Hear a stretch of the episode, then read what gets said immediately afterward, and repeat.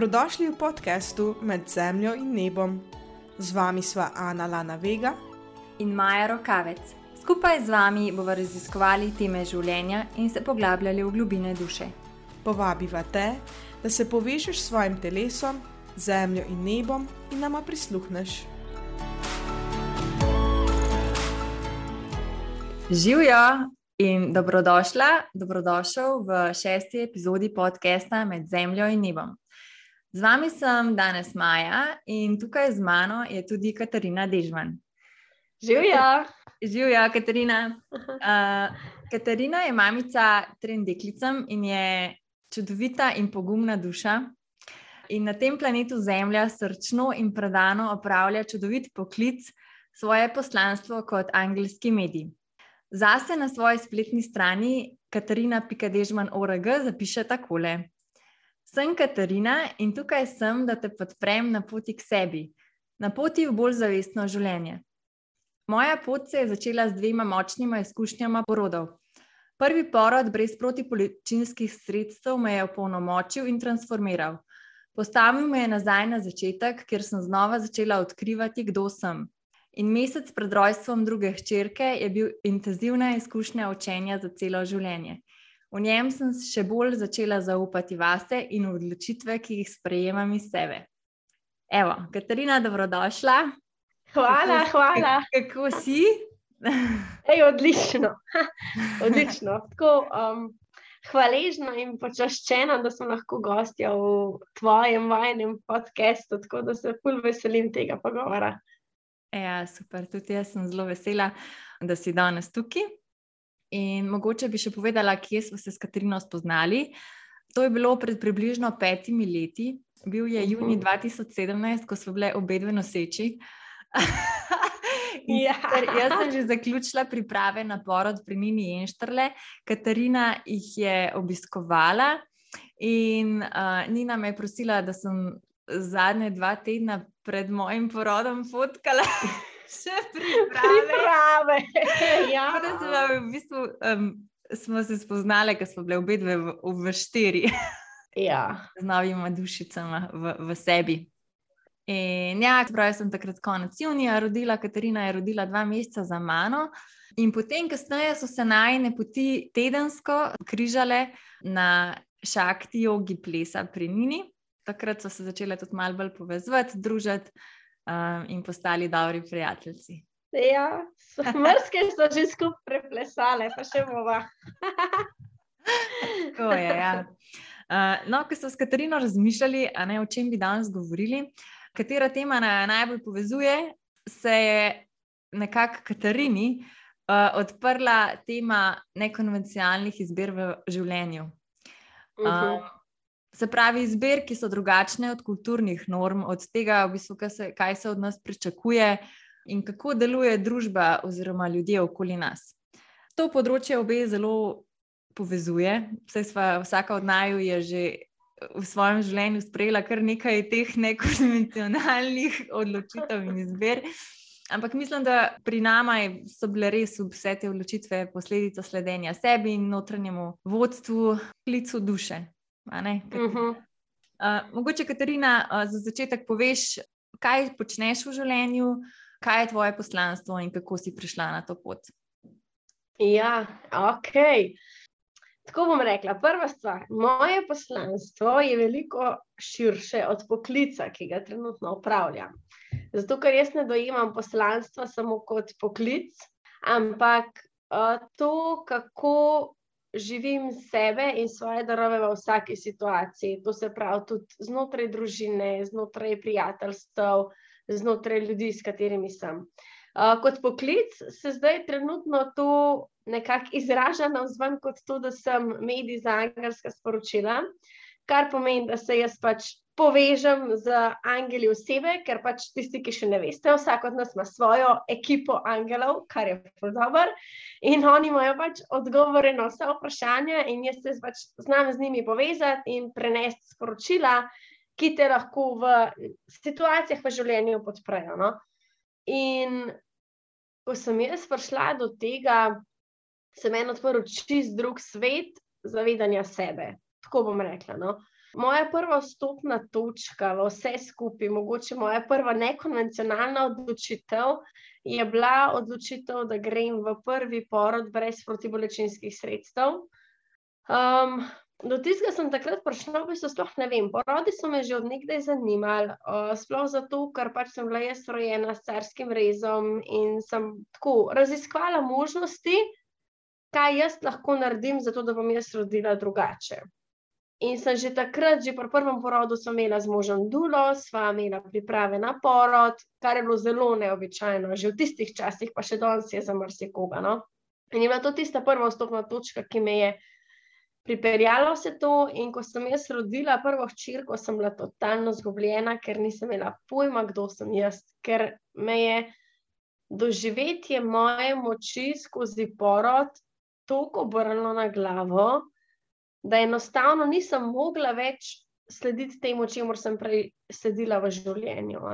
Jaz sem bila tako, čisti iskreno, pifarka, pridna punčka, desetke na faksu, odlično v srednji šoli. Mislim, Vse, tako, kar družba pričakuje od tebe, da si pridna. Vse, pač, ne, čuden je bilo, da nisem šla študirati medicine ali pa prava, čuden je bilo, da nisem šla delati kar avtomatsko doktorata. Ampak jaz sem na tisti točki v življenju že čutila, da pač jaz tega ne želim. In ko nazaj gledam, je meni tudi ful jasno, kdaj sem jaz sprejela izbire, ki jih v sebi nisem čutila, pa sem jih iz nekega ugajanja svojemu umu v resnici sprejela. V smislu, da je to bila pa bolj smiselna odločitev za me čeprav sem znotraj sebe čutila, da to pač res ni za me. Ne vem, ko sem zbirala študij, recimo, bi nekaj čist drugega zbrala, ali pa ko vem, se spomnim, da sem imela na voljo dve službi, pa me je v eno fulklicalo, drugo sploh ne, ampak je bila pač boljša izbira, racionalno. Ampak sem rabila vse te odločitve, zato da zdaj, ko nazaj pogledam, da znam prepoznati ta občutek in si reči, ne, ne, takrat sem se povozila, zdaj se pa ne bom. Ja. Ne? In ja, po ta prvi ščirki sem bila jaz še zelo tako um, znotraj sebe razdvojena, sem se iskala, pa sem še vedno tako delala s tem sistemom. Pa sem pa rodila drugič, pa to pride pol zgodba kasneje zase, ker je bil tisti mesec pred prvim porodom tako res zahteven. V je smislu tega. Zaupanje. Ja, zelo je testiral zaupanje vame, v naju z možem, v to, kako čutim jaz sebe in otroka, kako se upam upreti sistemu, če temu tako rečem. In pa tistem sem jaz jasno začutila, da pač, če bom jaz še kdaj stopila v to mojo prejšnjo službo nazaj, da bom kar umrla. Prav tako občutek sem imela, da bo pač prav ta moja notranja iskrica umrla, ker jo bom pogasila, ugasnila in končno se je paškala. In sem jaz po drugih črkih ostala doma s tem, da nisem imela pojma, kaj bom delala. Jaz pač ni bilo tako, konc porodniške, zdaj se pa lotim tega, ampak je bilo tako, konc porodniške, ker Trina nima nič, pač doma je z otrokom. Gremo um, na novo sestavljati. Gremo na novo sestavljati življenje. Ja. V mm. mestnem času med porodniško sem izdala eno pravljico, Draga Luna, lahko noč. In se mi zdi, da to mi je bilo tako ok, ne? nekaj pa znam, nekaj se pa da, kadar se lotim. Tako da pač, ok, sem pa ni bilo nobenega navdiha za novo pravljico, ura se ni prodajala, ker je tako, jaz nisem imela energije za marketing, pojma nisem imela, kva to se za sabo potegne, ampak v redu. Ne?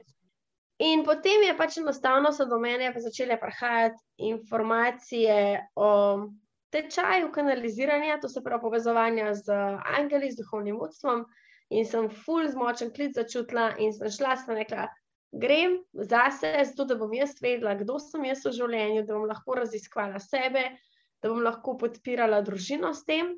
In pa se je v bistvu tako spontano iz tega razvila moja poklicna pot. No. Ker um, to je nekaj, o čemer res jaz ful uživam. In jaz tudi zdaj, ko grem v službo, pa ne vem, kaj delam časih popovdne ali od kakšno soboto, pa mi je težko iti od doma, ker so punce doma, ampak kaj jaz pridem kaj in ker sem v kanalu in ker čutim to energijo, ki jo prenesem človeku, jaz to uživam. In sem ja. tako, ko pridem ven, sem tako, da sem najboljša služba na svetu. Evo, jaz ti imam tudi, jaz, podobna zgodba je pri meni. Tako, ko se bi včasih tudi nadajal fotografirati, pa ne vem, tako, iti malo v isto nadobje, ampak potem pa grem fotkat in pridem domov in tako me grega, me zmeraj čudno gleda. Čist naspidirana, polna energije, a ne ja. res počneš to, kar te napolni in te usrečuje, in v bistvu te dela živo. Ja. ja, je in je fulje močno, a ne je pa res, da pač slediti tem odločitvam, res simpel. Mislim, ja, je pa zelo težko. Je pa težko, ker pač povedati nekomu, ki te vpraša, o, kaj pa ti delaš. Pa ti rečeš, jaz se pa z angelčki pogovarjam.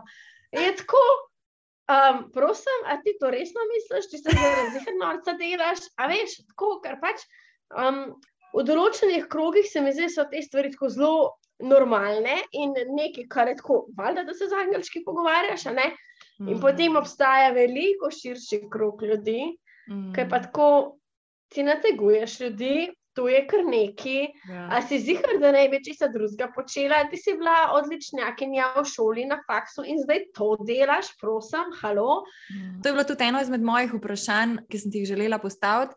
Ko si se v bistvu ti na začetku odločila za to pot, kako si se soočala z vsemi temi um, nesprejemanji, s kritiko, neodobravanji?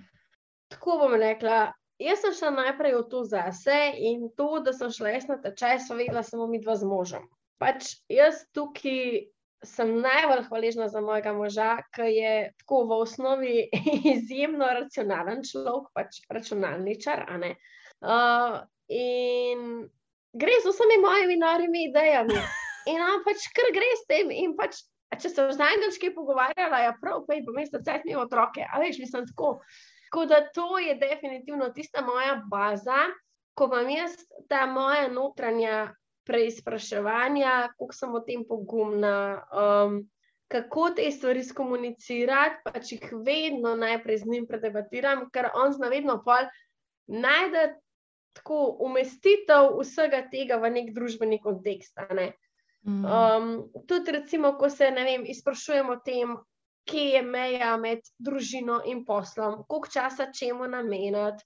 A ne, ja, on vedno tako je rekel, ja, Katarina, ful dobro, da imaš ti družino, moraš biti tle prisotna, ampak ne smeš zanemarjati svojega posla. Zakaj? Zato, ker ti s tem, ko pomagaš ljudem, kreiraš družbo, v kateri tvoji otroci odraščajo. Tako da tukaj je on tista moja glavna oporna točka. In kar se ostalih tiče, mi je vedno bolj vseeno. Zakaj? Ampak verjetno ker... si mogla prijeti do tega. Ja, Ja, pa zakaj? Se mi zdi, da tukaj je ena fully pomembna stvar, ki, tako, ki mi daje to možnost, da mi je vse en in sicer to, da meni je bilo najtežje to povedati doma mojim staršem. Ker sem vedela že vnaprej, da to je nekaj, česar ne bodo zmogli razumeti. Um, in res ne.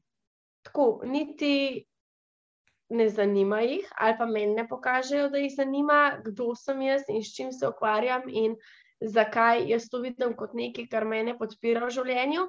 Ampak je nas doma to pač tabu tema, oziroma je v zadju občutek, da delam nekaj narobe.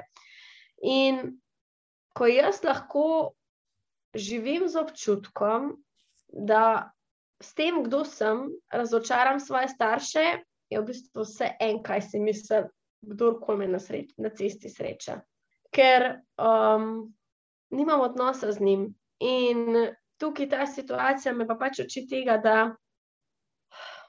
sem jima lahko fulh hvaležna za vse, kar sta mi v življenju dala, na načine, ki sta me podpirala, za katere sta ona dva.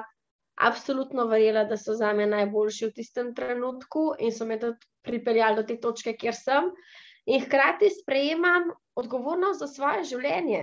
In zdaj sem pač jaz odrasla ženska in nisem dolžna delovati v skladu z njihovim sistemom vrednot, če temu tako rečem, ampak postavljati sebe v skladu z mojim sistemom vrednot, ki ga trenutno čutim v življenju, in pač kot odrasel človek obstajati v odnosu z njima v ljubezni in spoštovanju tega, da imamo različna zavedanja.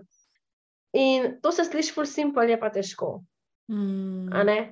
Pač ja, v zadju je skozi tisto občutek, da razočaraš, da ne delaš nekaj tako, kot bi mogel. Da, ne vem, sploh ne znam razložiti, ampak hkrati, kar je meni odprlo kanaliziranje, to, kar delam, je pa to, da vedno, ko grem jaz v kanal, ko grem v povezavo z angeli, jaz čutim znotraj sebe to brezpogojno ljubezen, o kateri sem cel življenje poslušala, pa je nisem znala dojeti. Jaz to čutim, jaz takrat sem brezpogojna ljubezen in se mi zdi, da iz tega dejansko lahko tudi pristopim v odnos starši na način. Razumem, da imate sistem vrednot, ki je vama v življenju pomemben, in nisem jaz tista, ki bom sodila, ali je to prav, ali je to narobe, ali verjamete prav, ali verjamete narobe. Ker vidim, da pač to, kar one dva živita zase, njiju podpira na njuni dušni poti in mi je to ful dobr. In mi je tako, hej, vaju to podpira, živta to, res, pejta s tem.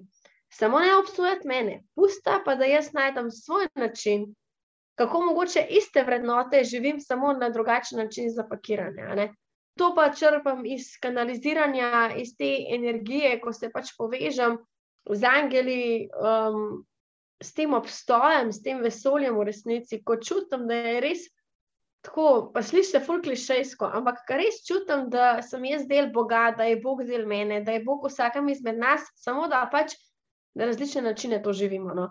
In se mi zdi, da pač, ko jaz razrešujem tukaj moja postavljenost znotraj odnosa z njimi, je pač zunanji svet, zunanji svet.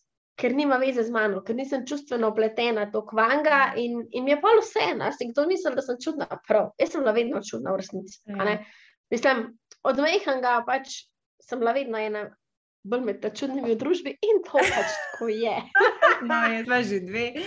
In da pri vseh teh stvarih, um, v bistvu, ko jih počnemo, ko, nas, ko stopamo v stik s sabo in globoko v svojo resnico, takrat se mi zdi, da res nam je na neki točki vseeno, kaj si mislijo drugi. Zato, ker vemo, kaj nam to doprinaša in kako se mi počutimo pri teh stvarih, ki jih počnemo. Um, in takrat na tisti točki res vseeno, kaj si drugi mislijo, ker pomemben je, kako mi to občutimo. Absolutno.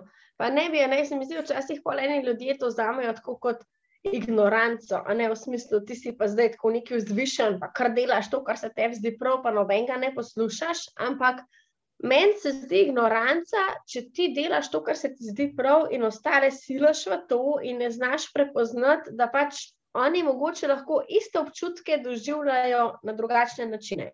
Če si pa ti res postavljen vase in to iskreno počneš, se mi pa zdi, da pač avtomatsko lahko daš ostalim prostor, pa rečeš, hej, to, kar jaz doživljam skozi kanaliziranje ali pa ti skozi fotografiranje, nekdo lahko doživlja skozi to, da je frizer.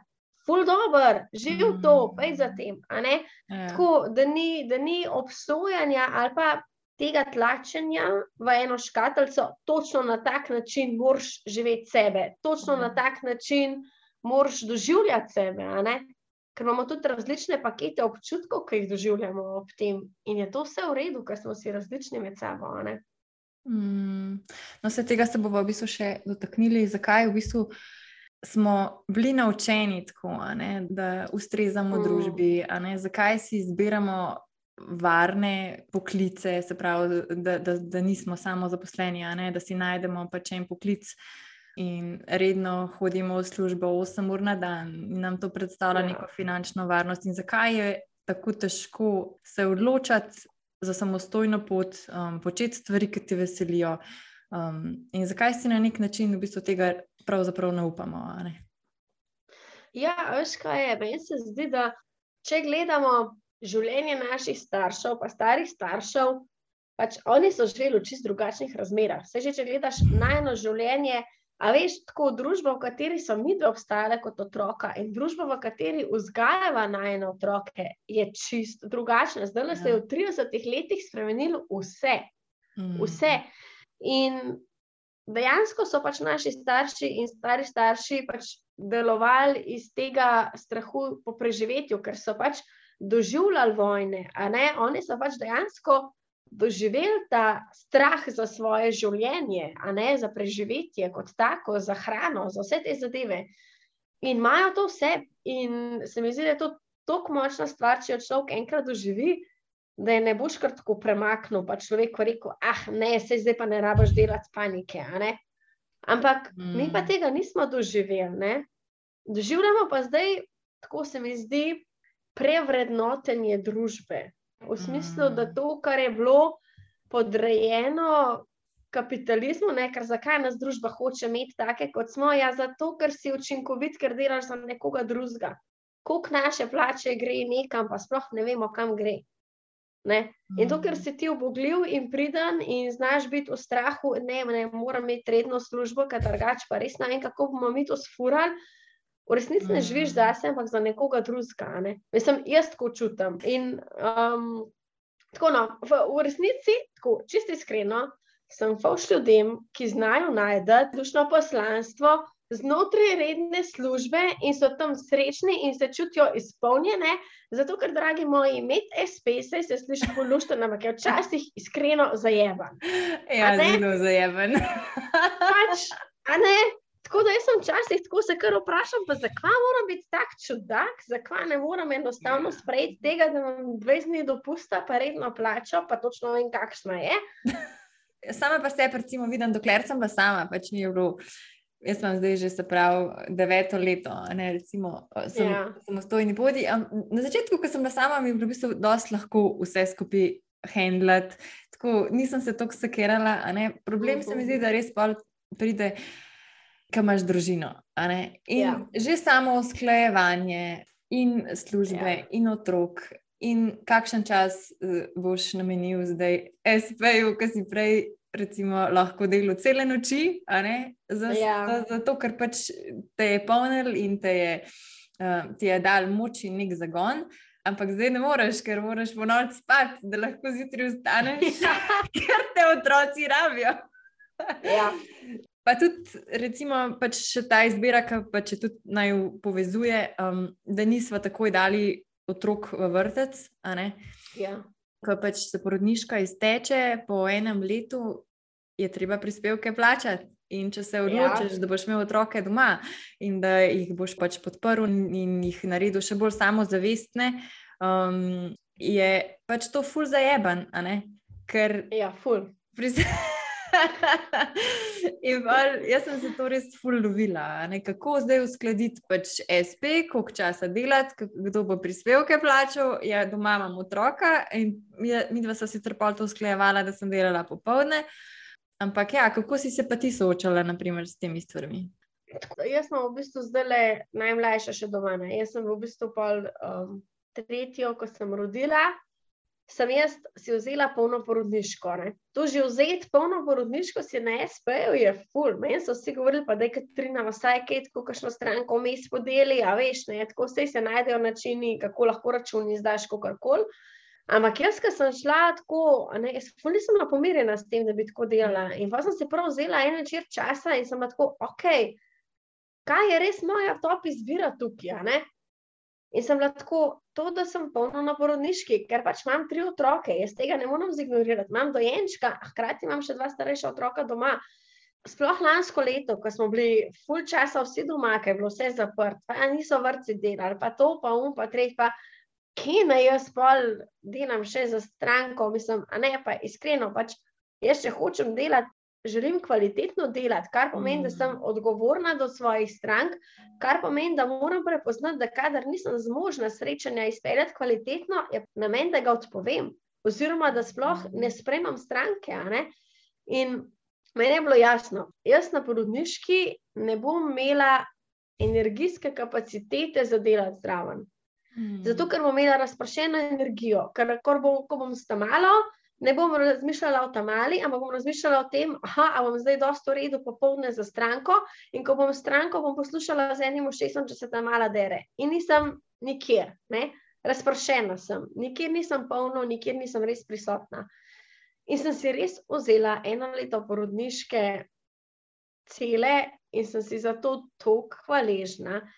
Sliši se neumno odločitev iz vidika poslovanja in iz vidika baze strank, čist racionalno, ampak ker sem bila jaz lahko prisotna s puncami eno leto, tako polno prisotna z njimi doma, sem jaz dejansko imela svojo energijo po porodu lahko regenerirala in doživela ta čas z njimi v polnosti, zato da zdaj, ko delam kakšen popoldne, nimam slabe vesti. Ker če bi jaz skozi neki na pol delala, bila neki na pol prisotna, bi imela skozi slabo vest. Mm. Tako sem si pa rekla, ne, ne, ne, eno leto je za nas, ne. pa zdaj, kadar pač delam, znam iti skozi te občutke slabe vesti v smislu, hej, eno leto me je imela ta mala doma, vse tri so me imele, ker so bile po karantenah, pa ne, smo bili vse skupaj doma. In zdaj je tudi pač najmlajša, ni šla v vrtu, bo šla v bistvu nasled, naslednjo jesenjo. In priznam, da mi je včasih pol naporen. Tako se, se vprašam, v smislu, pa kva mi tega treba, tako, a res, a ne, se bi se znajdla v družbi, se bi bilo fino v vrtu, ampak ni premehna je še, no, ful, mm. ful še čutim, da to kmehan otrok rab imamo, kombiniram pa z varoško. To, to, to sem si pa zrihtala, da pač dvakrat na teden sem našla tle v bistvu tako lokalno eno fulušno punco, ki je sta malo, dve, tri urce, malo se prilagajava temu, kako ona je. In iskreno, jaz grem včasih takrat počivati. Sploh ne delam za biznis, ampak grem spat. Edino pravilno, da se napolniš. da se napolnim. Zato, da sploh sem jaz, jaz ne. Mm. Um, in je zahtevno, ampak je za nas prav.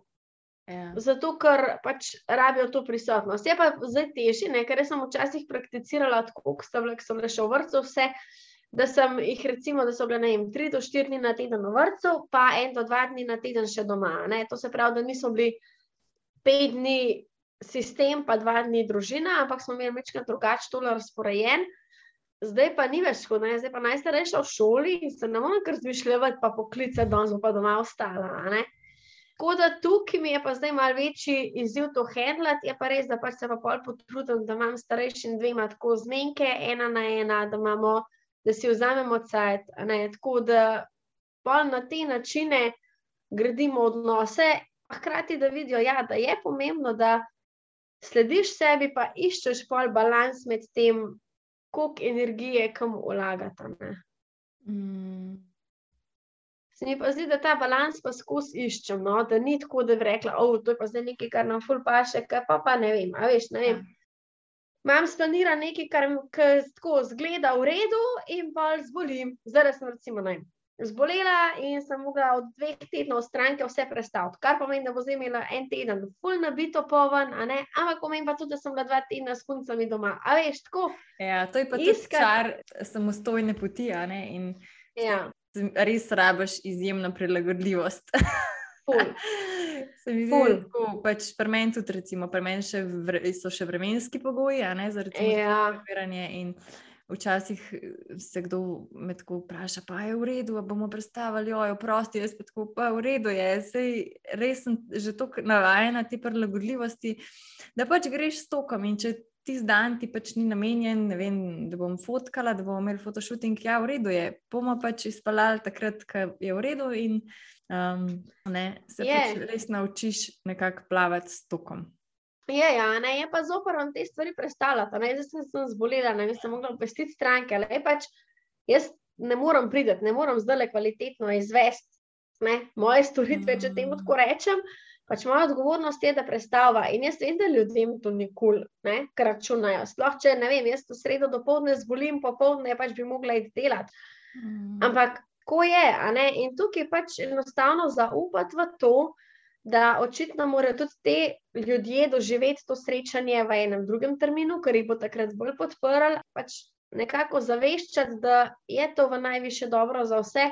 Pol je lažje, drugač pa ja, ti pokličeš v službo, nekdo drug mora na mestu tebe narediti stvari, pač stvari so načeloma narejene, ti prideš nazaj z bolniške. Ja, A veš, plačan si vmes, to je to, ne, tle pa nisi, tle pa če ne delaš, ni keša. mm. Tukaj je res na testu potem zaupanje. ja, ja, ful, um, ful. Da, ja. um, želela sem se mogoče navezati na to, zakaj recimo, je tako težko zaupati in iti na eno takšno samostojno pot. Kako nas je v bistvu sistem naučil, da je ful dobro, da ugajamo in da smo pač v tej množici in da ne izstopamo. Ne? Recimo, če pogledamo otroke, to je meni zmer najbolj fascinantno, kako so v bistvu oni ustvarjalni in edinstveni in res pristni in živijo to, kar dejansko so. In verjamem, da če bi vsi obtičali v vem, glavi štiriletnika, bi imeli mm. ful nevreten, ustvarjalen, nekonvencionalen svet, ki bi bil poln enih hudih idej. Ja, o, definitivno. Ampak zakaj? Ampak ne, ne? Um, namesto tega sistem, ne naprimer šole, ajde pa mogoče malo tudi naše domače okolje, posegajo v bistvu ta fascinanten razvoj teh otroških možganov. In v šolah, pač recimo, ko sem jaz hodila v osnovno šolo, so nas celo kaznovali, ker smo bili drugačni in ker smo razmišljali mhm. drugače. Ta teden, ko se je odprla ta najna tema teh nekonvencionalnih izbir, sem poslušala set godin na TEDx toku in on pravi: Stop stealing dreams. Uh -huh. v bistvu on misli, da v bistvu nam šole v bistvu kradejo sanje. Ker v bistvu z leti, ko gremo v šolo, ne, naučimo se ustrezati standardom, naučimo se obugljivosti, um, naučimo se v bistvu delati zato, da dobimo dobre ocene, ne zato, da bi izražali to, kar dejansko mislimo in to, kar čutimo in to, kar v bistvu mogoče so naši polni potencijali. In z leti v bistvu izgubimo te veščine, ne, da bi si izmislili najbolj nore ideje in da bi naredili nevredne načrte. Um, Sej, jaz verjamem, da res se je družba trenutno ful um, postavlja na novo, čist vse vrednote in se spremenja, in tudi te stvari se spremenjajo. Ampak vseeno, če pogledamo ta javni šolski sistem, je narejen na tak način. Um, ja. In v bistvu globoko sebe se moramo v bistvu vprašati, kaj je namen zdaj šole? Kaj je namen šole? Ja. Šola je v bistvu samo učenje nekih ustrezanje standardov in učenje obogljivosti. Mm. In pač ustvarjanje družbe, ki je kulturno fulusklajena. Vsi trmijo k temu, da dobijo pet.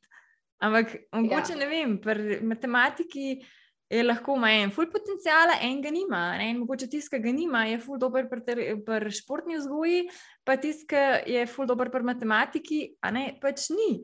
In se mi zdi, da bi bilo res treba ful bolj slediti našim um, otrokom. otrokom in njihovim potencialom, uh mhm. -huh. da se lahko polno izrazijo, da lahko polno zaživijo to, kar dejansko so, to, kar jih veseli. In zato, ker so dejansko prišli na ta planet Zemlja, da tukaj izpolnijo. Ja, mislim, jaz sem ful razmišljala o tem, zato ker pač dva vidika sta. En vidik je, so odločitve, ki, so, ki jih sprejemam za moje otroke, Drug vidik je pa, da, da vidim, da ta tematika, s katero si začela, zakaj je tako težko iti na svojo pot, zakaj je tako težko iti izven tega sistema, pa ne vredno službo. In jaz sem pa vse pogruntala. Zakaj? Zato, ker sem bila od začetka šole vrednotena od zunaj. Ne? Nekdo ja. je meni od zunaj z oceno do ja. urednost. Ja. V smislu, o, dobila si petko, zdaj si odlična, mhm. dobila si desetko, o, ful si dobra. Pa sem šla v službo, smo imeli v službi ocenjevanja, vrednotenje, ocene, a ne zato, da se je pač videl tvoj napredek, pa karierne načrte, pa vse te zadeve. In si vedno imel oceno od zunaj. Feedback. En feedback, ja, ampak um, noben nas pa ni naučil tega, kako sebe čutiš znotraj teh situacij. Čakal si na zonanjo potrditev, zato da si se čutil dosti dobro v nečem. Ampak kar je bil moj izziv, jaz sem bila dobra vsem. Ne? Mislim, se sliši se ful bedno, ampak jaz sem bila dobra vsem, ampak mene je to zmedel, ker nisem vedela, jaz nisem vedela razlike med tem. E, pri enem predmetu imam petke, pri drugem imam trojke, o to pomeni, da v tem sem dobra, to pa mogoče ni moja močna točka. Ne? Ne, jaz sem bila piflarka, jaz sem imela vse pet. Ampak kaj ne zdaj s tem lifeu naredim? A razumeš, ker pač ne morem kar na vseh področjih delati. Halo? Ja. A veš? Ja. In tukaj pa pač ni bilo pa nekih usmeritev, in hkrati nisem imela orodij, da bi znotraj sebe prepoznala, kaj so pa stvari, ki me res kličejo. A ne, ker pač sem počela stvari izven šole, ker zdaj, ko nazaj gledam, je tako, ok, ful vidim, da mi je ful veliko pomenilo delo z ljudmi, ker sem zelo veliko delala kot animatorka, kot prostovoljka, vse take zadeve, a ne. Ampak. Ker se to takrat ni smatralo kot neka dodana vrednost, v tem smislu, da bi iz tega te lahko nekdo pomaga usmeriti v poklic, pač ni bilo Mm. tega. Ne? In imam zdaj jaz zelo izziv na moji samostojni poti kot podjetnica, tako negovati ta občutek vrednosti, ta občutek, da sem dosti dobra, ta občutek, da, da pač stranke kar vidijo vrednost v meni. A veš, zato ker pač ni tega zunanjega feedbacka v smislu, hej, dobro službo delaš, tle imaš desetko. Pač, ne, ali pa ne, ti bomo povišali plačo. Ne, zato ker pač ne, vse je odvisno od mene. Mm. Um, in ko sem se isto ne sprašvala, jaz za svoje otroke, tako kaj, kako. Tako bom rekla, no, sistem kot tak je, je pač res narejen tako. Pač narejen je zato, da, da se otroci naučijo tako neke poslušnosti, nekega sledenja pravilom. In tako, kar pač ni napačno, če bi se podarile tudi druge stvari. Zato, ker še vse en. Mi živimo v družbi, moramo se naučiti funkcionirati znotraj družbe. A veš, ne moreš se ti izolirati od družbe. Smo socialna bitja in najdete nekak način, kako obstajati v družbi, je pomembno. Ampak premalo se mi zdi v teh rednih šolah, v sistemu poudarjena ta individualnost v smislu tega kreativnega razvoja, podpiranja teh kreativnih No, točno to. rešitev. To. Meni se tudi zdi, da ne, šola nas v bistvu otroke nauči, kako pač neki delati. Tako, Um, ja. In pač ne nauči jih, kako razmišljati, ampak kaj To. vse se morajo naučiti. To, ja. In če zdaj pogledamo, recimo, na ena, dva poslanstva oziroma poklica, ki jih Ja. upravljamo, a ne, obe dve to počneva srčno, kreativno in ful naj vodi pač ta najna strast do tega. Ja. In v bistvu šole bi mogle v bistvu naučiti ljudi, kako ustvarjati in kako v tem res uživati. Ja. In otroke je res potrebno naučiti, kako razmišljati, kako se do nekaj pride, kaj te veseli, ne pa ne sam ta piflarija, da se nekaj naučiš. Ja, ja. In nevno teorijo, ker da dobiš v petko in jo pol itak pozabiš. Je še pa ne veš, kaj bi v življenju s to petko delal. Ja, ja. in Recimo, jaz sem bila podoben kot ti, ki si pač govorila to tvojo zgodbo. Isto sem videla sebe. Pač skozi ful pridna v šoli, da sem ja ustrezala petke, da so bili starši doma zadovoljni. Čeprav me niso nikoli pohvalili, ker so itak pričakovali, da bom dobila v napetko. Meni, recimo, naprimer, je bilo ful težko se na moji samostojni fotografski poti soočati s kritiko. Pač, Ja. ja, sej lahko handlaš ti vse te pohvale, o, ful so dober, ful, ne vem, res si ujel um, dušo v, v moje fotografije. In tudi na eni točki sem tudi težko sprejemala ful velike pohvale, ker sem tako, a sem res jaz toliko vredna, a ne. Ampak na drugi strani so me pa kritike totalno sesule. Pač se ni bilo veliko teh primerov, ampak imela sem primere, ker recimo stranke niso bile zadovoljne. In Ja. me je sploh na začetku moje poti to čist sesul. In sem že tako, da, da res nisem vredna, da se kaj sploh to počnem. In so vse moje rane in vsi moji vzorci pač iz otroštva in tudi iz osnovne šole, so prišli na dan. In Na Mm. koncu sem bila pač sama s temi čustvi, vse, ki nisem vedela, kako jih naj sprocesiram, kaj naj zdaj z njimi počnem. Ali je res zdaj moje delo in to, kar pač naredim, z vsem mojo strastjo, vsem pešnom, in a je res pač zdaj ta ocena tega, kar drug vidi, a ne ocena mene. Ja. A sem jaz pač vredna to, kar sem, ne glede na to, kakšno oceno bo zdaj dal ta, ki recimo je moje fotke prejel. Ja, to, dej, to, to, se, to se absolutno strinjam, ker um, če si bil skozi sistem, veš čas vrednoten kot nekdo, ki je Mm. dober, ti noben, ni, na- noben nas ni naučil soočati se s kritiko, soočati se s tem. Mm. In je to ful zahtevno in je to ful pomembna stvar otroke naučiti, zato ker pač, ja, bojo zafrknili. tako kot mi zafrknemo. Ne? In se mi zdi, Ja. da pač je tukaj sistem kot tak je postavljen na način, ker recimo meni trenutno nekaj ful ne resonira. Tako da jaz sem se, mi da sem se tudi no, oba z možem sva se odločila, da bova dala otroke v gozno šolo in vrtec. Uh, in na ful paše. Zato, ker, sta, ker imajo še vse toliko otrok, je, da pač morajo imeti nek red, ne, da ni vse skupaj mm. razpoščen. A veš, ne? Otroci morajo tudi, ne vem, pa pomiti posodo za sabo po kosilu, pa pomagati pospraviti tiste prostore, ki jih imajo, pa pomesti, pa tako, take življenjske stvari, pokositi okoli hiše, tam otroci sami kosijo okoli bajte, a veš, tako. In na drugi strani imajo ful prostora za kreativnost. ne. Pri nas je ta mala prišla dan in rekla, hej, mami, jaz bom imela pa svoj krožek. In bo je napisala, kdo se bo prijavil na tisti krožek, pa tako. Pa se to je trajalo en dan, a ne.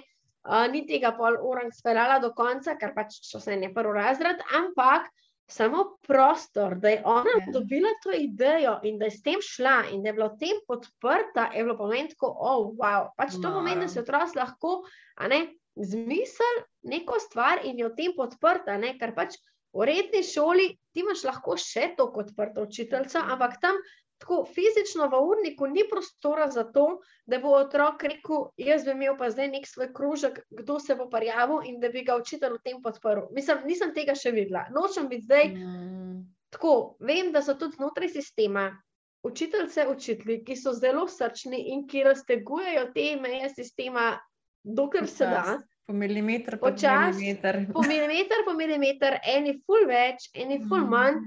In sem jim za to ful hvaležna. Hkrati pa recimo sem čutila, da mi zdaj ne rabimo nekaj drugega. Sva to dala in ja, je čuden, zato ker pač otrok zamenja družbo, v kateri je. Ne, ne gre z isto družbo naprej v šolo. Mi smo se o tem ful pogovarjali in se še pogovarjamo doma. Ne? Um, in tudi jaz, pač, mi dva nisva kar tako upisala, ampak se rekla, da je ta polet za en teden tja na počitnice, ki jih imajo, a ne v smislu, da jih pelamo tja za par ur, da vidita, kdo so ljudje, ki so tam, uh, kaj se tam sploh dela, da začutita, če je to nekaj, kar si oni dve zase želita.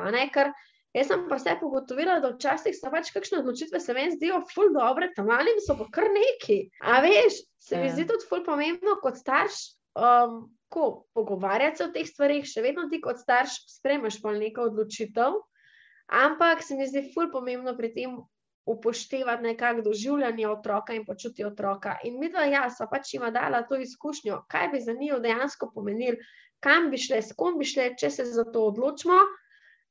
In sta bile navdušene in smo rekli, ok, pa, pa gremo s tem, a ne? ker če bi se ful uprle, pa to nima smisla. mi zdi, da je tudi tukaj treba pač otroke učiti to, da sprobavajo stvari in da pač, če jim nekaj resonira, hej, ful dobro, pej s tem, Mm. jih v tem podpreš. In če jim ne, jim pač ne, pa bi se lahko jaz na pol pretrgala, zato, da, k- da Ja, bi vem. jaz kot otrok to doživljala, ampak jaz nisem one. Ne? Še vsem so Ja. svoje duše na svoji poti in se mi zdi, da kot starš svoje izkušnje.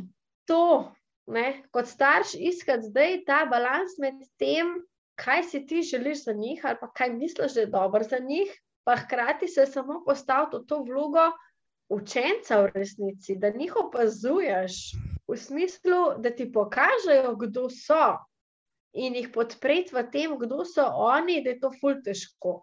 Ful dragoceno, pa ful težko, zato ker enostavno mi nismo bili tega naučeni. Ampak se mi zdi tako to, tista največja vrednost, ki jo lahko otroku daš. Vse pa itak, le. Padeš na izpitu, vsak dan se pobereš nazaj in tudi to morajo videti. Ne, da, da No, pač saj ne točno, padeš. Meni se zdi, da je bolj pomembno jih to naučiti. Ne? Da včasih pač zafrkneš, padeš in ja. tudi ne vem, naučiti. Da včasih pač stvari se ne izidejo tako, kot pričakujemo, in da je s tem Ja. vse v redu. Ne pa, Ja. um, da stremimo vsi po enem perfekcionizmu in po dobrih ocenah, in ker pričakujemo, da dobre ocene nas pa ful pripeljejo do sreče in uspeha, ker nas ne. Ne, A ne? ne. V bistvu je ta sreča čist nekaj drugega in se res skriva v nas. In ne glede na to, kako smo mi zunanje ocenjeni, smo lahko vedno srečni. Ja. Definitivno. In se mi zdi, da tukaj je kar umetnost to, no? kot starš, probat živeti, zato ker se ti skozi oklapljajo neki vzorci, katere smo mi naučeni. Ne? In moš ful delati na sebi, in hkrati še vedno padaš ven. Mislim, Pač Prav, jaz zdaj že zavestno padam ven, da se že prav opazim. Ja, olej, padla si ven, da je prosim pomir se.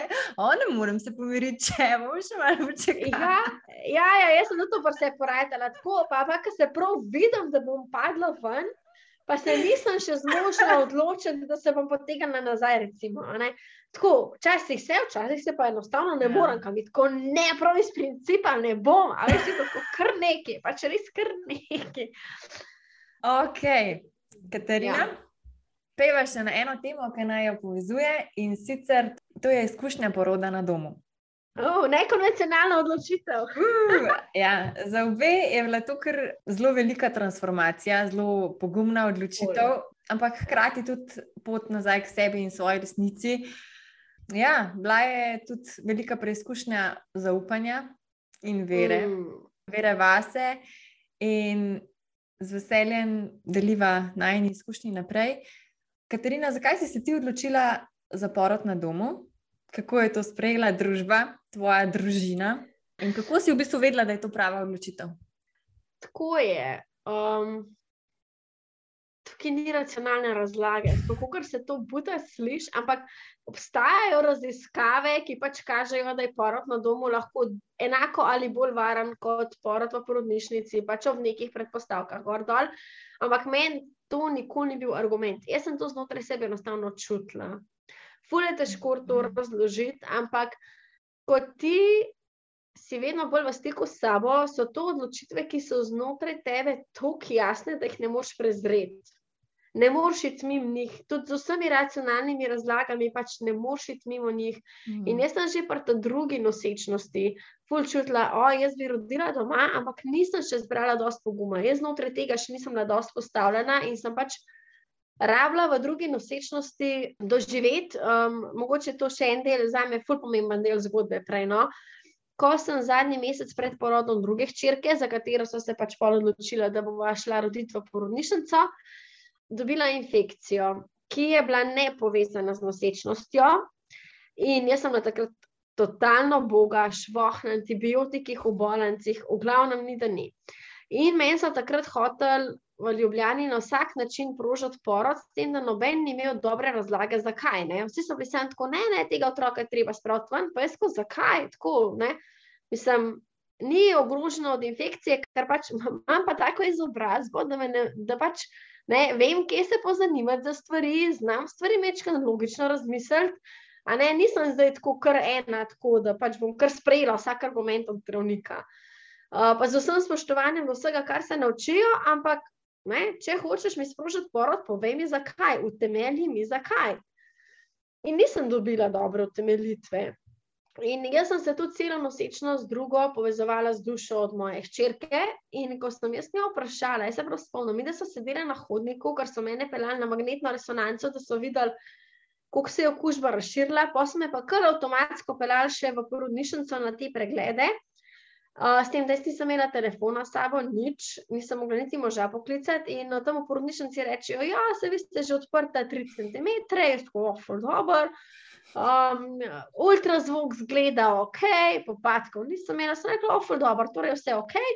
In polna informacija, mi bomo sprožili porod. Tako, zdaj se moramo pa samo odločiti, da vas najprej operiramo, a najprej sprožimo porod. In jaz tako, kva, kva, kva se spomnim, kako sem sedela na hodniku v tistem invalidskem vozičku, nisem imela telefona, da bi moža poklicala. In jaz sem bila sam tako, povezala sem se s tam malo in sem bila tako, a si ti v redu? In ona, ja. In jaz tako, je čas, da prideš ven. In ona tako, ne. In jaz tako, ok, pa bomo to zrihtali. In meni je to tok zaupanja, ta najna povezanost, da so prišli in so rekli, operacija ne bo potrebna, sem svoj jaz. Pora bomo sprožili jutri zjutraj. Sem rekla, ok, v redu, to se pravi, mesec je popoldne cajt, da vidim, kaj narediti. In sem enostavno rekla, grem po drugo mnenje. In sem v Ljubljanski porodnišnici podpisala izjavo, da pač ne dovolijo sprožitve poroda. In so se z možom odpeljala na jesenice po drugo mnenje. In tisto preizkušnja, tako odločiti se za življenje svojega otroka, podpisati, uh, zaupati temu, s tem, ko te od zunaj bombardirajo, strašijo, tako je bilo ful, ful močna izkušnja. Ne? In dejansko se je ta mala rodila, tako skoraj štiri tedne kasneje. Jaz sem rodila naravno, brez sem tako, ovej sem se pozdravila, tako mislim, res noro. No? Neverjetno je. Neverjetno, res. In se mi zdi, da to je bilo tisto, ki mi je dal tisto zaupanje, da karkoli se odločam, ko v to res zaupam, me bo življenje v tem podprlo. Naj bo življenje v tem podprlo, ker smo šli skupaj z možem čez vse to. No? In bolj pa tretji je bilo tako ful jasno. Jaz sem njemu že proti drugi povedala, če me še kdaj rodila, bom rodila doma. In bolj pa tretji ful tako jasno že od začetka, ne, to je to, jaz sem že vnaprej vedela um, ko sem se začela odločiti za dojenčka, že, sem že vedela, kje obabco bom imela, kje rodulo bom imela, meni je bilo to vse jasno. Vse smo bili zmenjeni in bolj pridajo s uh, epidemijo prepovedi porodov doma. Ja. In jaz sem bila pa tako, ne vedela sem, da so za babice, če pridajo na porod doma, ful visoke kazni. In nisem hotla niti tega tako se pogovarjati o tem, zato ker spoštujem poklice teh žensk na način, da vem, koliko energije so vložile v to, da so tam, kjer so, in ne morem jaz pričakovati od njih, da bodo za mene in za moj porod žrtvovali celo svojo kariero, če temu tako rečem. Nisem upala brez babice doma roditi, to sem čutila tako kot neodgovorno do sebe in do otroka. In jaz sem bolj angliške spraševala, ne, valjda. Tako angliške, kva, kva je fora, ne? In anglišče tako, ne, vse se bo zrihtalo, ti bo samo ljubezni. Sem tako, kjer beden na svet, a mi lahko bolj konkretnega poveste. in oni tako, ne, ti bo samo ljubezni, ti pač si ful močno energijsko sidro in ko boš ti v ljubezni, vse se bo zrihtalo. Pač drugi ljudje so tukaj zato, da na fizičnem nivoju delajo, ti pa držiš prostor v energiji. In so mi povedali, kva naj delam vsak dan, da se te stvari postavijo. In jaz sem to res delala, in pol tako, ne vem, jaz sem imela konec avgusta, rok sred julija, prepoved porodov doma, kar naenkrat gre in jaz tako, ok, v redu. Je bilo pa ja, ne, mi smo pač v hiši tudi z mojimi starši. In malo je bilo to treba skomunicirati z njimi, sploh, ker mm. so se pogovarjala s starejšima hčerkama. Sta one dve, niso bile čez zihar, bi bile zdrave ali ne bi bile, in mi smo se zelo veliko pogovarjali o tem, kaj porod doma pomeni kaj to pomeni za njiju, kaj to pomeni za me. Uh, in so jim dala čistko, da začutite, če si želite zdraven, ja, če si ne želite biti zdraven, ne. Um, tudi jaz sem sebi želela dati to možnost, da če bom jaz začutila, da morate na neki točki iti, da jaz rabim mir, da je to nekaj, kar je ok. In je bilo v bistvu tako zelo dragoceno, da smo bili pač ne, v isti hiši, zato ker smo starši to skomunicirali. In tako prvi odziv je bil tako zahteven, zato ker ima ta pa ona dva iz svojih izkušenj, pol enega strahu. Tako da sem znala takrat to videti, da to niso moji strahovi, ampak njuni. In um, sem enostavno jim dala čas. Sta polno, sta ona dva nekako to prse predelala, sta rekla, da me boste o tem podprla, da ona dva bi se seveda drugače odločila, ampak da naj boste o tem podprla, tako da zato sem jima ful, ful hvaležna, no, ker sta pač zmogla iti čez svoje strahove in kar se mi zdi ful, tako res, res velik. In hkrati sta bila pripravljena poskrbeti za pač starejše punce na način, kot bi naj jo podpirala. In se mi ti zdelo to tako ena ful dragocena podpora, ki sem jo dobila. Je bilo pa pač ja, v prvi vrsti to zahtevno skomunicirati, ampak ko si ti vse postavljen, ko to zelo jasno čutiš, enostavno se mi zdi, da pol pač ljudje okrog tebe pač ali spremejo ali pa grejo stran. Ni druge opcije, ni. Ma, ja, jih pa s svojo postavljenostjo odpreš njihove procese, sem tam pa pol njihova odgovornost. Ne, ne moš ti rešiti zdaj sveta, sveta za vse, zato ker se ti nekaj odločiš, pa je njim to čuden. Tako da na koncu sta pol se starejši ščirki odločili, da ne bi bili zdraven in je tudi iskreno meni to pasal, ker sem rabila pač moža in dulo in babco in mi je full pasala ta intima. Tako da bi pač pol tretji porod, mislim, tako jaz če bi si napisala scenarij, si ga ne bi zmogla tako lepo napisati. No. Res, res, ker sva. Ko je bilo vse postavljeno, ne je čez dan, pa jaz sem bila še tako, ne, tle, pri nas v hiši je kar precej ljudi. Jaz sem bila še tako, pač, ne, ne bom zdaj kontrolirala, kdo bo doma in kdo ne bo. pač rekla sem, da tiskamo je namenjeno, da z nami so doživi nekako to izkušnjo, pač ne jo. In pa na koncu so bili vsi doma, moji starši, oba moja brata, pa še punca od brata je prišla. Ne? Ampak pač sem lahko, ok, v redu, zdaj pač mi imamo svoj prostor, kjer je bila intima, kjer smo bili dejansko sami. So lepo vseeno peti nekako to izkušnjo noter in se mi zdelo, da pač ja, so jo rabili doživeti z nami. No? Mm. In meni je, ne vem, sredi dneva voda odtekla, jaz sem klicala babco in ona še pravi, ektrina, jaz sem na koroškem, da se ti zmesta malo, da malo počaka, jaz sem še dve ure, da pridem nazaj. Um, ampak sem se zmenila, sem se vlegla, sem se zmenila, da je počakaj, jaz bi rada rodila v miru, tako da bosta in Dula in babca lahko zdraven, sta prišle, uh, da je mi šel mi za jesti, kuhal, punce smo v varstvo dala, uh, pa smo malo klepetali, malo poč, mal sem počivala, mi dva sta šla pol sama na sprehod v gost in jaz sem tako bosa hodila po gozdu in je bilo tako en boljših delov mojega poroda in še zdaj vedno, ko grem po tisti pot, ki tako me vrže nazaj v te spomine.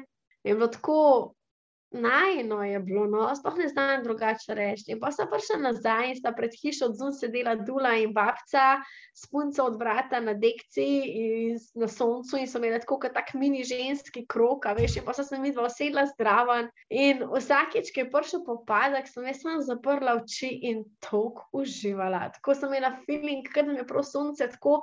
Polne s to svojo energijo, in sem lahko prav prepustila se in uživala na polno. In pa smo se premaknili noter, ker smo vsi začutili, da je caj, da se premaknemo noter, požgali svečke, naštimali musko. In ne vem, je bilo po vem, dve ure, se je ta mala rodila, ne s tem, da sem nač, vem, sama glavco porodila, tako babca je pa pomagala, ker se tam pramenom malo zataknila. Tako res porod, kjer um, sem jaz lahko vodila to, ampak ne iz uma, ampak z energijo. Sploh ne vem, kako ne drugače vem. Pač jaz nisem imela scenarija, kako bi mogla to izgledati in kaj zdaj hočem. Ampak, ko sem čutila, kaj me podpira in sem to nekako izrazila, oziroma so že ljudje okoli mene, brez da bi jaz karkoli rekla, to je že kar znali prepoznati, recimo, ker sledili so tej energiji in so se postavili na tista mesta okrog mene, kjer so me najbolj podpirali. In jaz sem, recimo, pač ne vem, ful mi je pasal, da me je mož božal, dula mi je pa pritiskala na križ, ne, ga rekel. Ponavadi je bilo kontra, ne, da moški tisti, ki na križ pritiska, ampak ne, in ko je mene dula začela božati, sem bila tako, ne, ne, bože, me lahko sem ona. Ar, tako, vsak je imel svoje mesto, ampak ko smo z energijo temu sledili, so se stvari kar sestavljale. Tako, prav mhm. voden, prav tako boš blagoslovljen porod, je bil, ne znam drugače reči. No.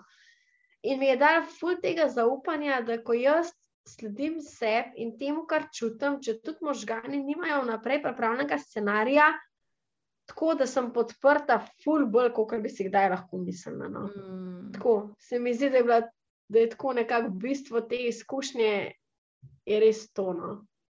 No, ampak če zmeraj je to zelo pogumna odločitev, ja. ker porodov na domu je trenutno en procent v celi Sloveniji. Ja. Ja. To je res zelo, zelo, zelo malo. Se pravi, ne vem, crka sto porodov. In da sprejmeš takšno odločitev, da um, se soočaš z vsemi izzivi okolice in vsega, je pač res zelo pogumno. In je potrebno imeti kar veliko zaupanje v sam proces. Ma ne, se mi zdi, da ko si ti s tem pomirjen, ko si ti vse prej tako globoko pomirjen, pa pač je tako, kot je. Je pa res, da mi dva tega nismo na veliko razlagali. Mi da so mm. pač to, ok, z domačimi so skomunicirala, um, zato ker pač ne smo v isti hiši, ne vem, imamo tle še sosede zdraven, tako z njimi niti niso komunicirala tega, ker zakaj? Mm. V resnici zakaj? To so najne odločitve, mi pa se odločava. Tudi sprejmemo odgovornost, ki stoji za to odločitvijo. Ne, se mi pa nismo šla naivno v to, zdaj pa doma rodila, pa bomo rožce sadili, pa vse bo lepo. Ja, bilo je lepo, ampak šla sem v to odločitev z zavedanjem, da sem jaz imela pripravljeno turbo za porodnišnico, ker lahko bi bila babica na drugem porodu, lahko bi se vmes izkazali, da se je smiselno predstaviti v porodnišnico. To so vse stvari, na katere nimaš vpliva, moš jih pa moraš pa pač z neko odgovornostjo tudi v te odločitve vstopiti. No, in ko si ti to. Ne, meni se pa sploh ne Imela torbe pripravljene, jaz sem res A zaupala. nisi? Ne, A res? jaz sem res zaupala. Da, veš, sem, jaz sem čutila, da bom rodila doma in da bo vse v redu, in sem se res prepustila tej izbiri. Jaz sem recimo tudi to ful čutila, ampak jaz sem tak človek, da pač moram imeti um pomirjen, zato da se v tem zaupanju lahko sprostim. Ja. In za me osebno je to pomenilo, da pač moram imeti torbo za porodnišnico pripravljeno. Ne? Okay. Jaz sebe to poznam, da vem, da se čez vse te umske procese vseeno moram iti in moram najti načine, da moj um ima pomiritev in ima nek scenarij v smislu tega, če gre kaj narobe, ta scenarij je aktualen, zato da se lahko v doživljanju izkušnje pol sprosti.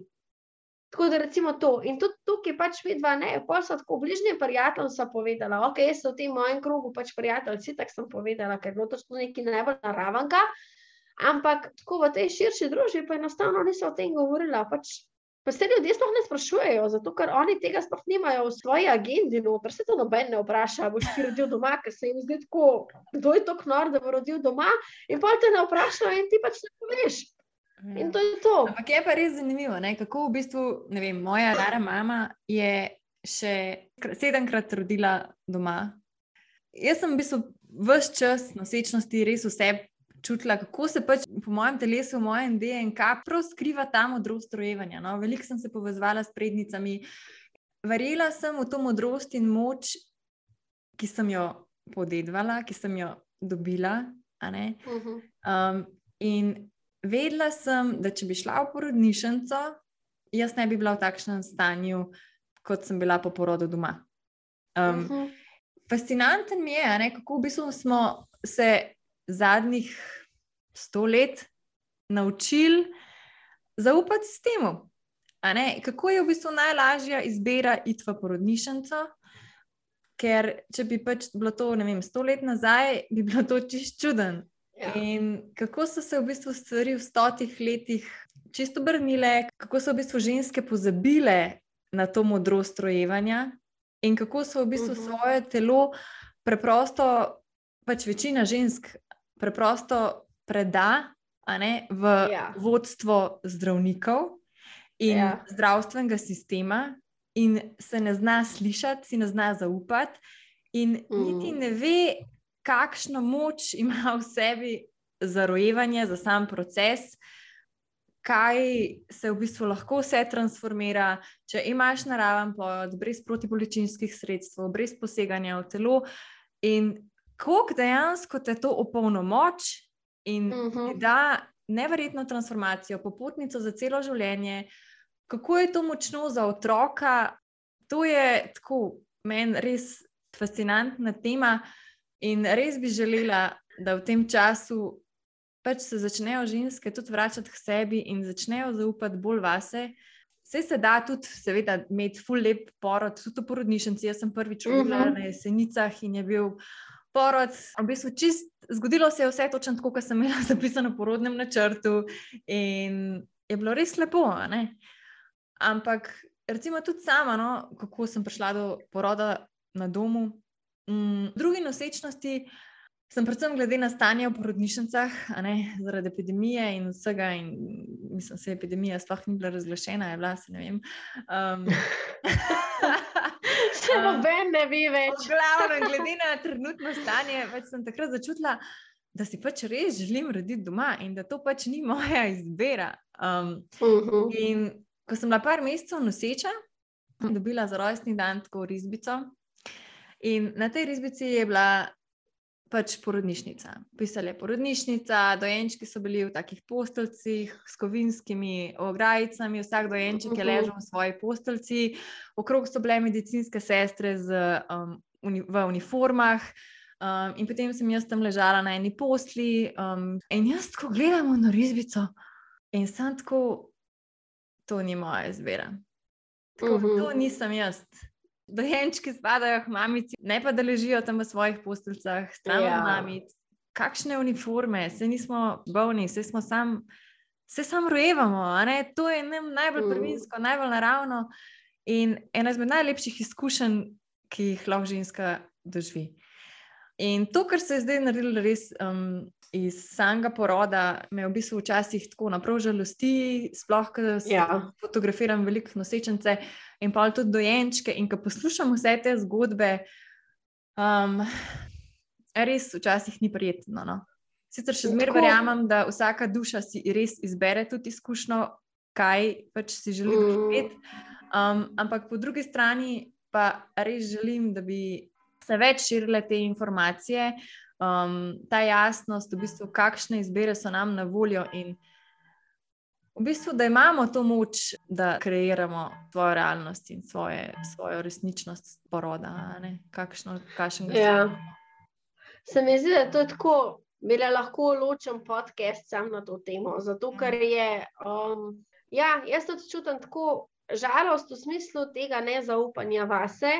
Um, da je čudna v današnji družbi že samo izbira, da se greš pripravljati na porod. Ne? V smislu, da je že to um, včasih obsojeno. A veš, to če, a ne, jaz sem tudi po dvakrat rodila v porodnišnici in um, sem imela lepe izkušnje. Ja, prvi porod je bil dolg in zahteven, full, ampak sem ga rabila doživeti in ker sem se pripravila na njega, sem ga doživela. In v drugem porodu pač sem si najdla ekipo zdravnikov, a ne, tako kot sem rekla, ne, v Ljubljani nisem bila podprta, ker sem šla jaz na jesenice. Mene so tam je medicinsko osebje ful podprlo v tistem procesu. Mm. Tako da se mi zdi, da pač tudi znotraj tega določene stvari se spremenjajo, ampak ko sem pa ne vem, kako pa govorim tako z ženskami okrog sebe, že samo to, da, da greva mi dva, da greva oba na priprave na porod, tudi zato, da moj mož ve, ne, kaj se dogaja in kako me podpreti. Je to nekaj najbolj čudnega, tako zakaj nama ni dosti šola za starše, kjer ti povejo, da obogi babico, ne, zakaj, zakaj drabaš zdaj priprave na porod. Ne, že ta korak je, je v bistvu big deal. Že samo to, da se tebi zdi porod tako pomemben, da si pripravljen investirati, plačati nekomu za to, da te pelje skozi nek proces teh priprav. Recimo, ne. In je žalostno pol gledati, poslušati ja, zgodbe, kako so ženske in otroci in partnerji ranjeni v tem procesu. a ne, Veš, koliko moških je trpi v teh procesih, ker vidijo, kaj se ženskami dogaja, in ne morejo nič narediti. Ne? Ker kdo je moški? Moški je tisti, ki rešuje, moški je tisti, ki pomaga. In se mi zdi, da je za moškega to taka rana, da spremlja svojo žensko pri porodu, ker je pač očitno, da se dogaja nekaj, kar ni ok. In on nima moči, da bi se temu oprl, ker ne ve, kaj lahko naredi. In hkrati ženska, ki čuti, da se dogaja z njenim telesom nekaj, česar ne želi, pa nima moči, ker nima orodja. a ne. In pol družba, kako to dojema. ne. Ker recimo, ne jaz sem rodila doma, sem bila smatrana kot neodgovorna. Uh, Partni za mano je pač ena znanka rodila um, v porodnišnici s carskim rezom po induciranem porodu, in tam je bilo pa vse dobro, ker je na srečo bila v porodnišnici, zato da so na srečo ji pomagali, da so rešili njo in otroka. In pač ob zavedanju, ki ga imam jaz v porodu, je tako pač. Ampak ni, ljudje, določeni ljudje enostavno nimajo kapacitete tega še slišati. Mm. Se mi zdi, da pač mi lahko samo s svojimi zgodbami, s svojimi življenji pričamo o tem, da je možno drugače, in hkrati pustimo, da se še vedno vsak odloči zase. Jaz lahko delim priprave na porod, s katerimi sem bila fulj zadovoljna, lahko delim svojo izkušnjo. In so ženske, ki so se na to odzvale in so rekle: Hej, Katarina, a mi daš kontakte? In so dejansko pol ali rodile doma, ali so še na priprave in jih je to fulj podprl in so rekle: Hej, fulj ti hvala. Ampak hkrati dovolj, da vsak znotraj sebe sliši ta klic in se za to odloči. Je pa tudi na nas, ne, konc koncev, da mi ne obsojamo njih zaradi njihovih izbir. Pač kažemo, da se da drugače. In hkrati dovolimo, tako kot si ti rekla, kakorkoli je to težko gledati, da vsak doživi to na svoj način. In mm. mogoče pač ja, rabijo eno fulj zahtevno izkušnjo, da bodo pri drugem, tretjem otroku lahko znali slišati vrednost ali pa izkušnjo na drugačen način. ne. Mm.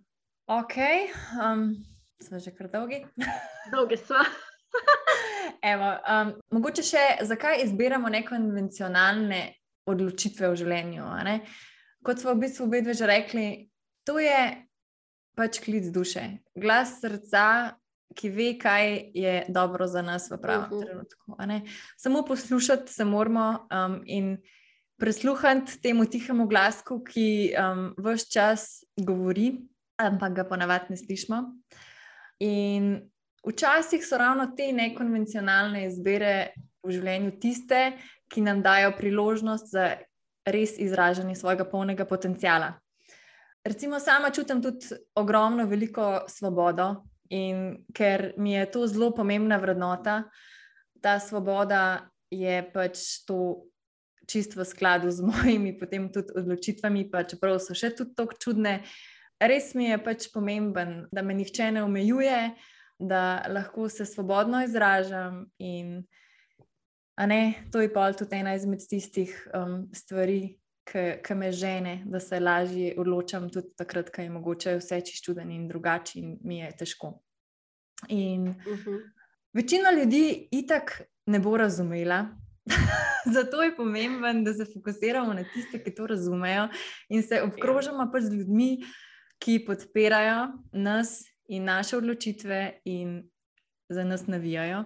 In pol je vse ful lažji. Res je vredno pač slediti srcu in tvegati, tudi če se stvari ne izidejo zmer tako, kot si želimo. In že sama izkušnja tega, kar dobimo s tem, nas opolnomoči in nas postavi vase in v svoj center, in nam da samo zavest in pač preda dragoceno znanje, ki ga pač ne bi dobili, a ne, če ne bi sledili sebi. Tako da moramo si zapomniti, da recimo, če se odločamo za te nekonvencionalne izbire v življenju, da mogoče vsi, ki trenutno stopate na samostojno pot, ne vem, se odločite za porod doma. Vedno je nekdo prvi, ki pač začne stopiti na neznano pot. In tudi, če vsi v družini, vsi v okolici delajo eno stvar, pa si ti želiš drugače, pojdi za tem in sledi temu. In itak je večina pi- pionirjev ponovadi poimenovanih kot norih, tako da pač smo malo nori, ampak um, dejansko je ta norost poplačana vedno. Ko vidimo pač ta rezultat, pozitivne spremembe, oziroma to transformacijo, ki se zgodi, mogoče ta zgodba vaša inspirira potem tudi druge, da, Mhm. najdejo, da lažje najdejo pogum, da začnejo zaupati in se mogoče tudi sami odločijo za kakšno takšno odločitev. In Ja, re, jaz bi se tukaj ful strinjala. Ful je pomembno, da imaš krok ljudi, ki te znajo razumeti v tem, ki so v bistvu tudi enaki, ne, tako kot mi dve, recimo. ja. Um, je pa pot do tega včasih zelo zahtevna. Tako, ne, ker um, jaz, ko sem šla skozi vse te transformacije, jaz sem na neki točki v življenju, ko je bila v bistvu edina taka zanesljiva stalnica v mojem življenju, pač moj mož. Vse prijateljice stare so odpadle, zato ker enostavno nismo več vibrirale na isti valovni dolžini. Novih še ni bilo, tako se je začel počasi oblikovati nek krog teh čudovitih žensk, ampak počasi, ampak to je proces tako let, a ne? Mm. In je ful um, pomembno, da v tem času ne obupaš, ampak tako, da si najdeš oporo v vsem tem, kar si, kar tebe podpira, pa naj bo to narava, ples, meditacija, karkoli. Zato, ker preko negovanja te vibracije boš pa nekako pritegnila, pritegnil v, v svoje življenje ljudi, ki te bodo znali vsem tem tudi podpirati. In tudi to je proces, je treba biti v tem nežen do sebe. Se mi zdi, včasih pa kar malo spuščamo to, a ne, ja, zdaj bom pa jaz vse drugače. Pač, ne, ja, mi da so sprejeli ful veliko, ful pomembnih odločitev, ampak to so odločitve, ki so se nabrale v zadnjih letih. To ni tako, v smislu, zdaj pa jaz rodila brez protibolečinskih sredstev, pa bom pa rodila doma, pa bom dala otroka v gozno šolo, ampak so to tako, ne vem, ena taka velika odločitev na leto, recimo. A veš, um, ka zahtevajo energijsko kapaciteto, zato da si ti znotraj njih postavljen. Mm. Ja. In tukaj definitivno ta krug ljudi, ki te uh, podpira, ti pomaga negovati to energijo, je ful pomemben.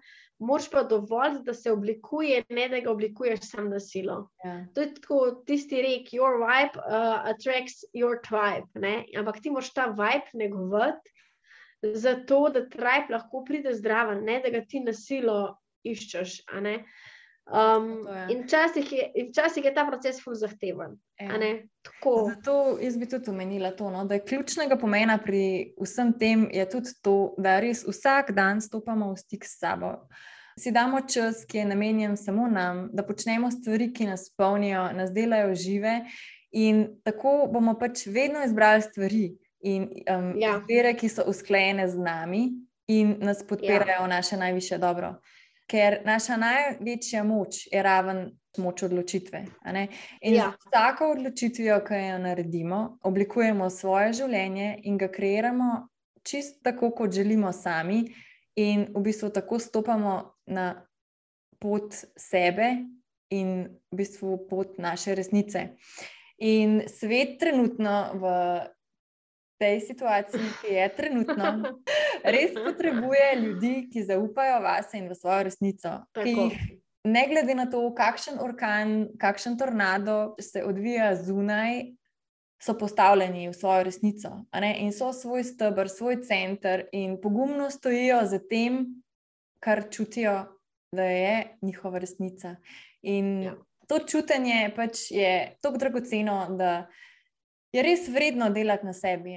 Zato mogoče spodbujava tudi tebe, ki to poslušaš. ne. Naj te vodi srce in spodbujam te, da pogumno stopiš na pot sebe in zaupaš, da te življenje zmer podpira. Ne glede na to, kaj se dogaja, vedno si podprt in odkriva se nam vsak dan največji čudež življenja. Absolutno. Ja. Mogoče um, Mislim- bi še kaj dodala za konec, zaključiti. Samo to bi dodala, to, da jaz absolutno verjamem, da vsak, čisto vsak od nas, skozi izkušnje, skozi odločitve, ki jih izbiramo v življenju, pač rastemo. In za nazaj lahko mogoče prepoznaš, da si se včasih na, odločil drugače, kot si čutil, ampak ne se sekira zdaj za nazaj. Vzem si to kot neko referenco. Kot prepoznava, da si vedel, kaj želiš, pa takrat nisi šel za tem. In ko boš zdaj prepoznal ta občutek, da boš zbral moč, pa rekel, hej, takrat sem se povozil, zdaj pa izbiram, da se ne bom.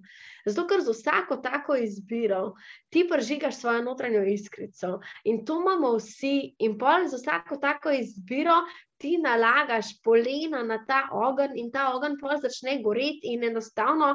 Lahko pride pa še ta orkan, pa ga ne bo ugasnil.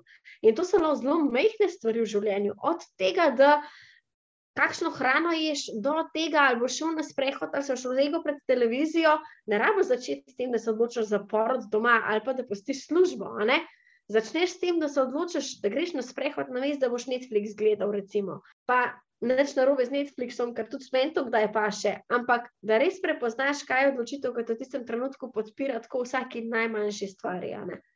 In prek tega pol bildaš to mišico za te nekonvencionalne odločitve, ki so pa večje v življenju, ki so družbeno bolj zahtevne ne, v tem kontekstu.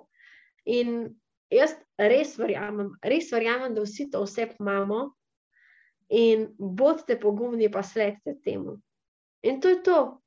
In pol smo mi tisti, ki kreiramo lepši in boljši svet. a Ne, ne bomo čakali, kdo od zunaj bo zdaj to naredil, ampak mi smo tisti, ki s temi našimi odločitvami pokažemo, hej, meni pa to nikoli, jaz bi pa delala drugače. In pač narediš drugače. To. Katarina, najlepša hvala. Bilo mi je čast, da si bila danes z mano Ja. in da smo odpirale malo tabu in drugačne teme. Um, Hvala tebi, jaz sem, jaz sem počaščena, da sem lahko gostja tega čudovitega podcasta. Hvala Hva- tebi in hvala. vama, za, da kreirate to, da dajete v svet. Res. Hvala. In hvala tudi tebi, ki si bil danes z nama, bila in si najo poslušal, poslušala. Če ti je bila epizoda všeč, bova veseli, da jo deliš naprej. In želiva ti, da se vsak dan znova vračaš k sebi in svoji resnici. Da najdeš moč tudi takrat, ko ti je zares težko, ko ne ustrezaš družbenim normam in dvomiš vase. Da najdeš pogum, da izraziš sebe in zaživiš v svojem polnem potencialu. Da zaupaš svojemu notranjemu glasu in zaupaš življenju, da si vedno na pravi poti. Želiva ti en čudovit dan, naredi si ga točno takšnega, kot si želiš, in uživaj v vsakem trenutku, tukaj in zdaj. Se slišimo. Adijo! Ciao!